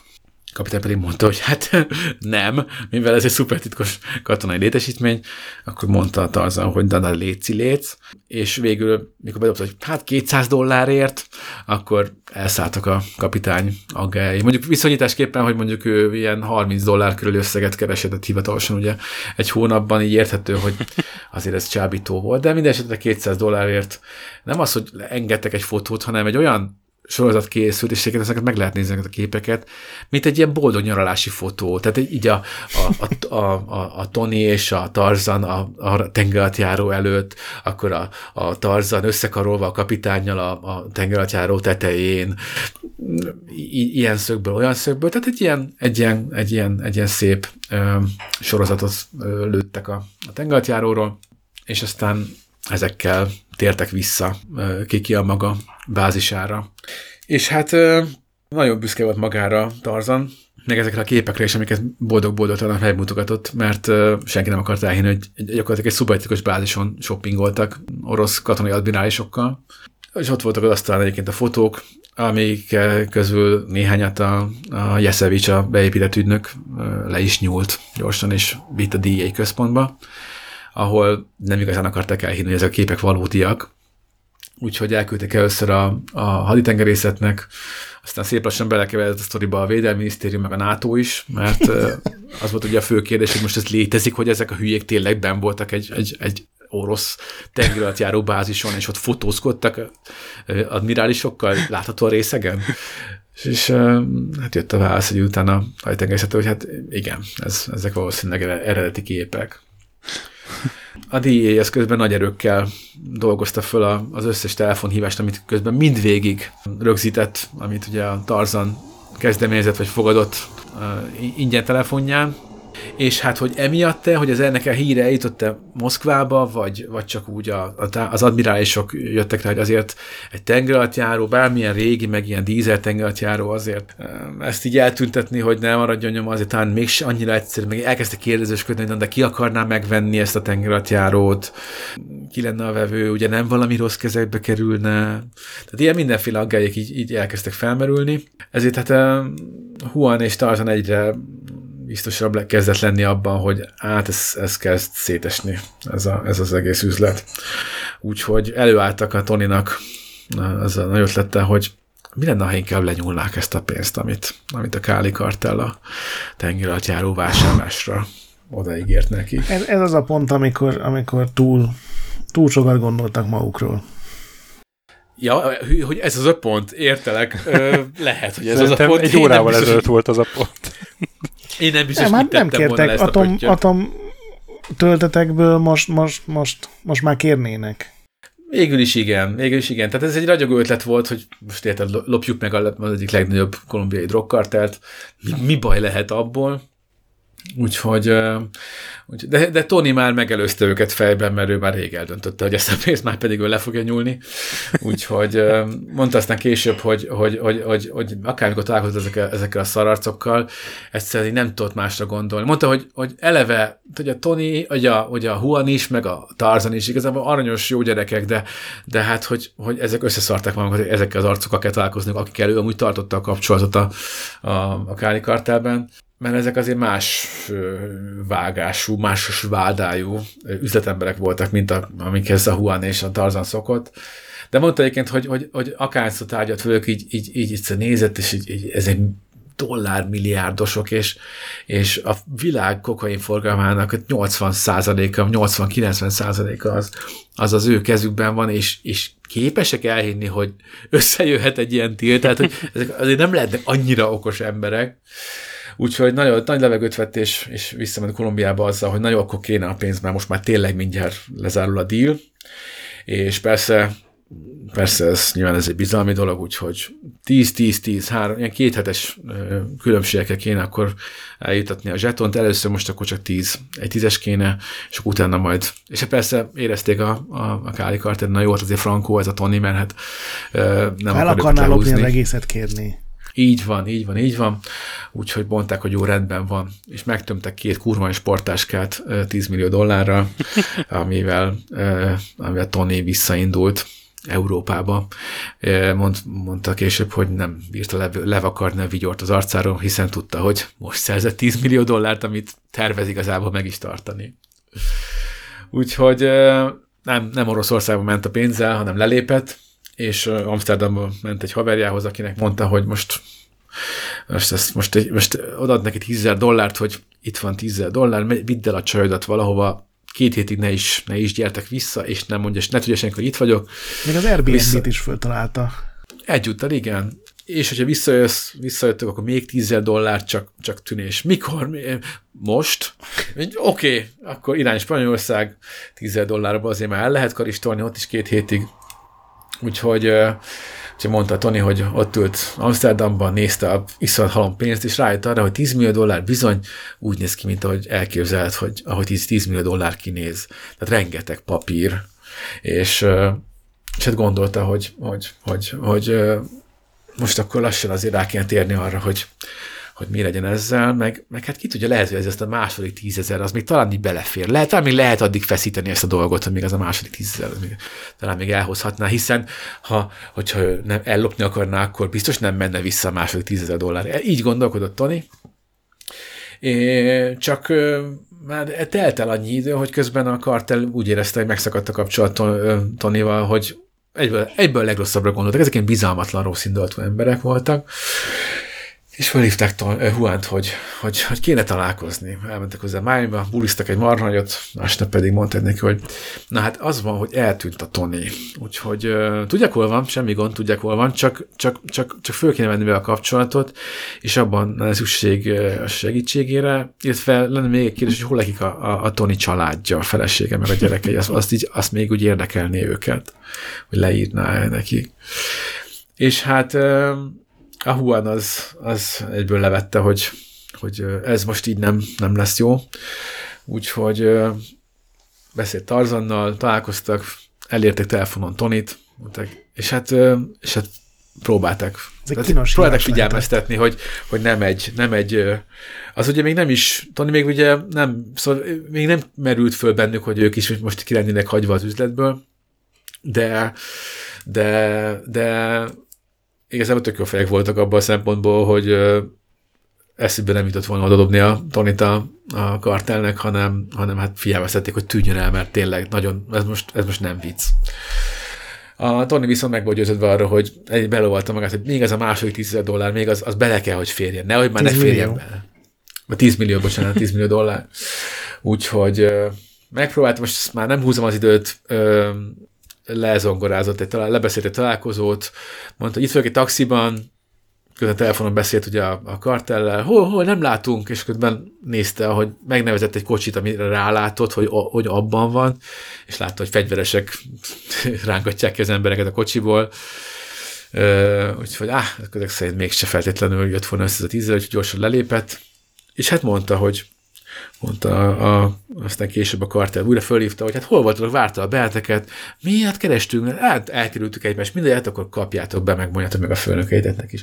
Ami kicsit olyan nagy szájúnak, meg ilyen fennhéjazónak tűnhet, de egy olyan embertől, aki ugyanezt már játszotta évekkel ezt a DA-el, akinek rendszeresen küldözgetett képeslapokat különféle beachekről, hogy, hogy látom itt a kezembe ezt a mohitót, látom a tenger, látom hamakot. Titeket nem látlak fiúk sehol, hol vagytok? Mikor jöttök letartóztatni? Igen, ilyen hasonló üzeneteket küldök. Kicsit ilyen Wall Street farkas hangulatban így cicázott a, a hatósággal. Hát, ne, ö, látta, hogy akkor 10 millió, az 10 millió, ennek kell örülni, és lelépett vele. Viszont hát a DIA közben ugye rárukta az ajtót a, a, a Huanra és a Tarzanra, úgyhogy, úgyhogy elkezdték ugye felhasználni ezt az addig szorgalmasan gyűjtögetett 15 ezer órányi hangfelvételt, és hát 18 hónapnyi szívagatás után, meg, meg, meg ugye megfélemlítés, meg, meg vallatás után a, a Tarzan végül vallott a Juan ellen, úgyhogy oh úgy tűnt, hogy, úgy tűnt, hogy, hogy egyenesben vannak a dolgok. Aztán mondta ezt a Tony, hogy mikor megtudta ezt, akkor hát még addig még így fontolgatta, hogy, hogy egy millió dollárt azért lead a Tarzannak, de aztán utána már 500 ezeret akart adni, mert, mert nagyon gyorsan fogyott a pénz. De mikor megtudta, hogy vallott a Huon ellen, hát akkor mondta, hogy hát, hát már pedig, hogy patkánynak nem fogadni egy fityinget sem. Az embernek Úgyhogy, legyenek elvei. Az emberek legyenek elvei, igen, igen.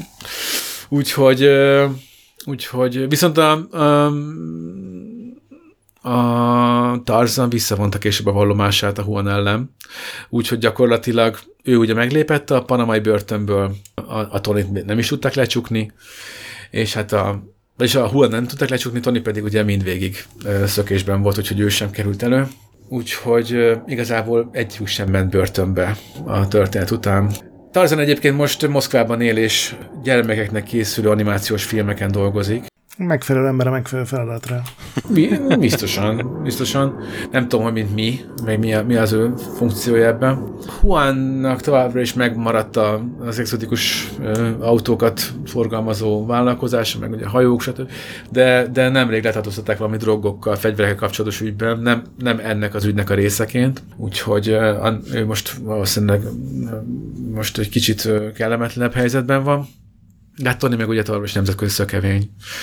És hát az a, az a nagyon vicces a sztoriban, hogy, hogy, hogy, ugye végig azt hitte a, a, a, a DEA, hogy a, hogy a Tarzan meg a Hornet a nagy agytröz, de hát a Tony volt az, és ő tényleg egy nem, nem akármilyen pályás figura, úgyhogy, úgyhogy amikor aztán, amit meséltem korábban, hogy amikor meglépett a Tarzan a börtönből, és, és ennek a Tiller Russellnek jelezte, hogy na, akkor csinálj dokumentumfilmet, akkor, akkor ő is, meg a Huan is mondta neki, hogy na jó, hát jó, persze beszélnek, beszélnek, de hát az, hogy a Tony jelentkezzen, az nincs az Isten. És a Russell Tiller meséli, hogy, hogy, hogy, hogy mikor ott volt Moszkvában, ott együtt lógott a Tarzannal, egy nap kapott egy WhatsApp üzenetet, hogy a pincérekkel már találkoztál, itt az ideje megismerd a szakácsot. úgyhogy, úgyhogy Afrika, ha másnap gépre száll, akkor Afrikában lesz, lesz lehetőség találkozni. És hát addigra már azért a, a Russellnek azért, a, azért fölkészítették a többiek, hogy a, hát az, hogy ölte embert, hát nem biztos, elég valószínű, hát szinte biztos, szinte biztos, de, de ha valaki nem, nem megy, nem keresztez az ügyet, akkor nem veszélyes, de ha igen, akkor, akkor, akkor viszont de, akkor, akkor nagyon. És mondta, mondta Russell, hogy, hogy egy picit azért nyomasztó volt ez számára, de hát a kíváncsisága az hajtott, és utólag ő sem érte egészen, hogy, hogy mi vitte rá erre, de, de belement, és ott egy ilyen hangárban, Afrikában valamilyen hotel találkoztak, és azt valami hangárban adott végül interjút a, meg egy repülőgépben.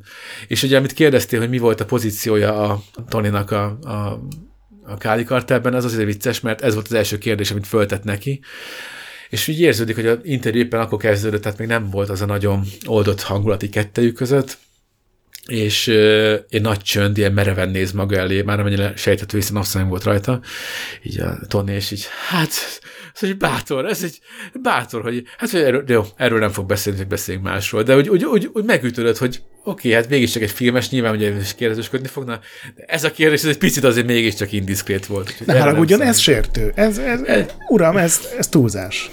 Igen, igen, igen, igen. Úgyhogy, és azt mondja egyébként ez a, ez a Russell Tiller, hogy, hogy, hogy na, egyrészt végtelenül szórakoztató, hogy ez a, ez a, igazán mind a hárman ugye Tony az, a, az még egy kicsit kevésbé gondolnád az előélete meg a kiállása mi egyebek alapján, de hogy igazából még ő is így, így szeretettel beszélt a másik kettőről, aztán így kiderült, hogy azért ők tartják a kapcsolatot még mind a mai napig, így üzletelgetnek, hát ha nem, nem is tengeralattjárót, de azért ilyen kisebb dílek azért be, beesnek. De és a többiek azok nem lettek mérgesek? De hát át lettek verve Igen. nagyon csúnyán. Hát a, a DA is a nyomukban van, a Káli Kartel is nyomukban van, és ez ez a dokumentumfilm végül elkészült Operation Odessa címmel, ez volt ugye a fedőneve ennek az akciónak. Ez, ez három éve került vagy készült el, három éve debütált ilyen filmfesztiválokon. Ez egy viszonylag friss történet, úgyhogy nem véletlen mondta Russell Hiller, hogy ő, ő szólt nekik, hogy ebből azért gáz lesz, hogy mégis azért, hogyha ez így kitudódik, mert a, Káli, a DA az oké, okay, hogy ők, ők, ők próbálkoznak, és és el, ügynök is nyilatkoznak a dokumentumfilmben, elmondják, hogy, hogy mindig egy helyesen, mindig egy-két lépés előttük járt a, a, a ton, és tényleg egyszerűen szopatta őket éveken át. De hát a Káli Kartel meg, ők még nem tehetnek mást. Tehát ők, ők meg úgy működnek, hogy egyszerűen muszáj, hogy például statuálnak velük, és hogyha hogy muszáj valahogy elcsípje őket, és nagyon látványosan végezzenek velük, mert különben ez az ő reputációjukat ingatja meg. Hát gondolod el, amikor a mexikói Netflixre fölkerül ez a dokumentumfilm. Na, hát és ez egy, ez egy kínos helyzet. Na most a Káli Kartel az már nem tudom milyen állapotban van, hogy egyetlen még op- működik-e. Lehet, hogy egyébként hogy már, már igazából széthullott, de hogyha működik is, akkor kérdezték egyébként a Tonitól, mert ő van egy ilyen legkomolyabb beszédben, mert ő volt, aki gyakorlatilag lehúzta a kartelt 10 Milánra, és na, azt, azt annyit mondta, hogy az ő, hát aki ártani akart neki, az már halott. Úgyhogy ő meg boldog. Ez ennyit mond rá. Tehát, hogy valószínűleg a, akik elő tárgyalt, azok aztán már, már azóta nem már ők, ők el, el, el, el, kikerültek a képből, így vagy úgy, vagy amúgy.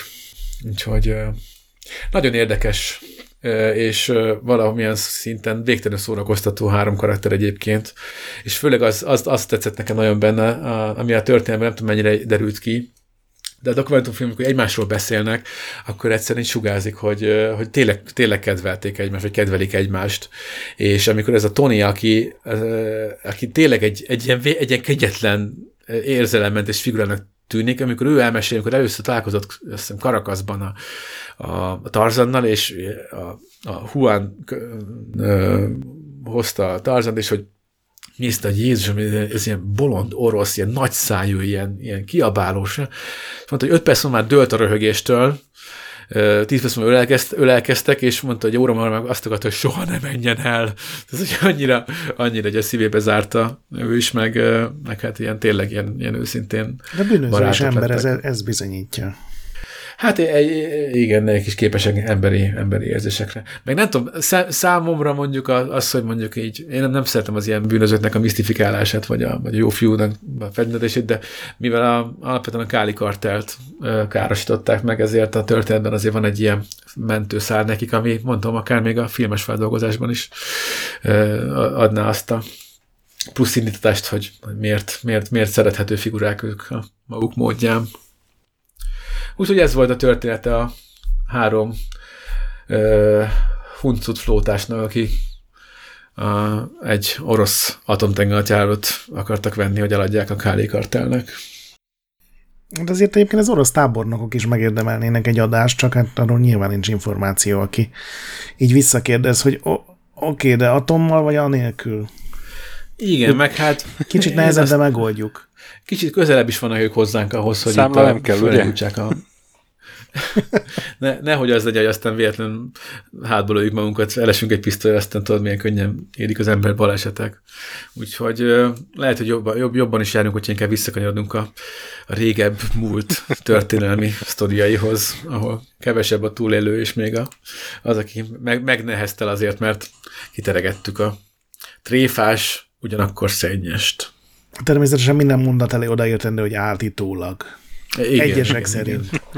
Egyes vélekedés. De, Hallani olyan vélekedéseket. De hát erről készült egy, egy dokumentumsorozat, tehát. Egy dokumentumfilm, ez egy film, ez egy film. Vagy egy do- Operation dokumentumfilm, igen. Tehát, hogy a rendező még továbbra is él, és nem rabolták el, hogy kifagassák, hogy pontosan hol is kivel a Silk, találkozott. A Silk Road a Silk Road Storyból is ő csinál egyébként most filmet, az, az, azt, is, azt nem sokára fogja bemutatni. Ez egy bátor ember. Hát nézd, onnantól kezdve én már ott, ott, ott meg voltam véve, hogy, hogy, hogy a, a, be, bevitette magát egy panamai börtönbe azért, hogy interjút csináljon egy bolond ukrán gangsterrel, aki atomtengert akart eladni a kolumbiaiaknak. Kemény De azért, amikor kapott egy ilyen fülest, amikor ezzel hívták föl, hogy akkor biztos, biztos. Ja, és, ugye, és, és, ugye, és ennek a srácnak van egy blackberry -e bent a bőriben, hogy kell a száma.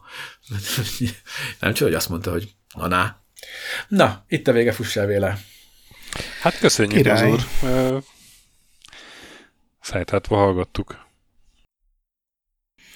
Az mindig, mindig vicces, amikor ilyen amatőrök belecsöppennek a drogüzletbe. Már volt ilyen sztori, de szerintem még lesz, mert ezekben van potenciál, mert ezek általában nem ilyen karrierbűnöző, nagyon gonosz arcok, hanem de nekem, úgy pénzt kell szeretnének. Nekem még, még egyen viccesebb a sztoriban, amikor a, amikor a, a legnagyobb izé kokain kártel kimozdul a komfortzónájából, és vetet egy helikoptert, aztán meg megpróbál venni egy tenger alatt járót. Kettőt. Kettőt, Kettőt. bocsánat, igen. szóval amikor így átmegy, átmegy egy másik területre. Hát és a, ott, a Pablo Escobar is van egy gyönyörű sztori. Igen, hogy, hogy, hogy, hogy, hogy azért, tehát hogy már bedűhödött azon, hogy az egerek zabálják fel a sok kockába fóliázott pénzt, úgyhogy legyen már normális nemzeti bankunk az Istenit csapott az asztal, ugye ehhez hasonló ez is, hogy, hogy kicsit a valósághoz való viszonyunk valószínűleg megborult azáltal, hogy, hogy kamuf helikoptereket kéne, mert egyszerűen Istenem, hányszor kell fordulni ezzel a szörnyű ezzel csomagokkal? Ki, ki bírja ezt idegileg? Nem tudom, csak képzelem, mi kellhetnek egy kombiai drogbáró fejében. Hát az is kemény sors. Ja, pofozza az életőket is rendesen. Hát köszönjük, Mazúr. Nos, hát ez volt a Képtelen Kronika 12. adása. Nagyon remélem, hogy találtatok valamiféle tanulságot a sorok között, gyerekek. Ne csempészetek se tengeralattjárót, se harci helikoptert, se drogot, és még egyébként sok-sok egyéb elrettentő tételmódot kiszűrhető a, a sztoriból, de ezt már tegyétek be magatoknak. Nem sokára, zárójelben kis csillag, zárójelbe bezárva, újra jelentkezünk, Igen. vagy mikor, azt már csak, az már csak a, a nagy vágó és az ő ollója tudna megmondani. Igen, igen. És én, én leszek a következő, és magyar sztorit hozok megint. Erősen nop, nopcsoid. Ó, az, az jó, oda, oda örömmel térünk vissza. Én meg azt elmondanám, hogy van már Képtelen Krónika podcast a Facebookon, úgyhogy csatlakozzatok sokan, meg hát heteken belül elindul a képtelenkronika.hu, úgyhogy azt is lehet nézegetni. A, jö- a jövő és a jelen és a múlt is pulzál a te valóságodban, Stöki. Így van, így van. Több idősíkon létezem. Legyünk akkor így. Létezetek több életsíkon, ne egyetek mosatlan gyümölcsöt, ne piszkáljatok a... Ja, nem, ez másik, másik podcast.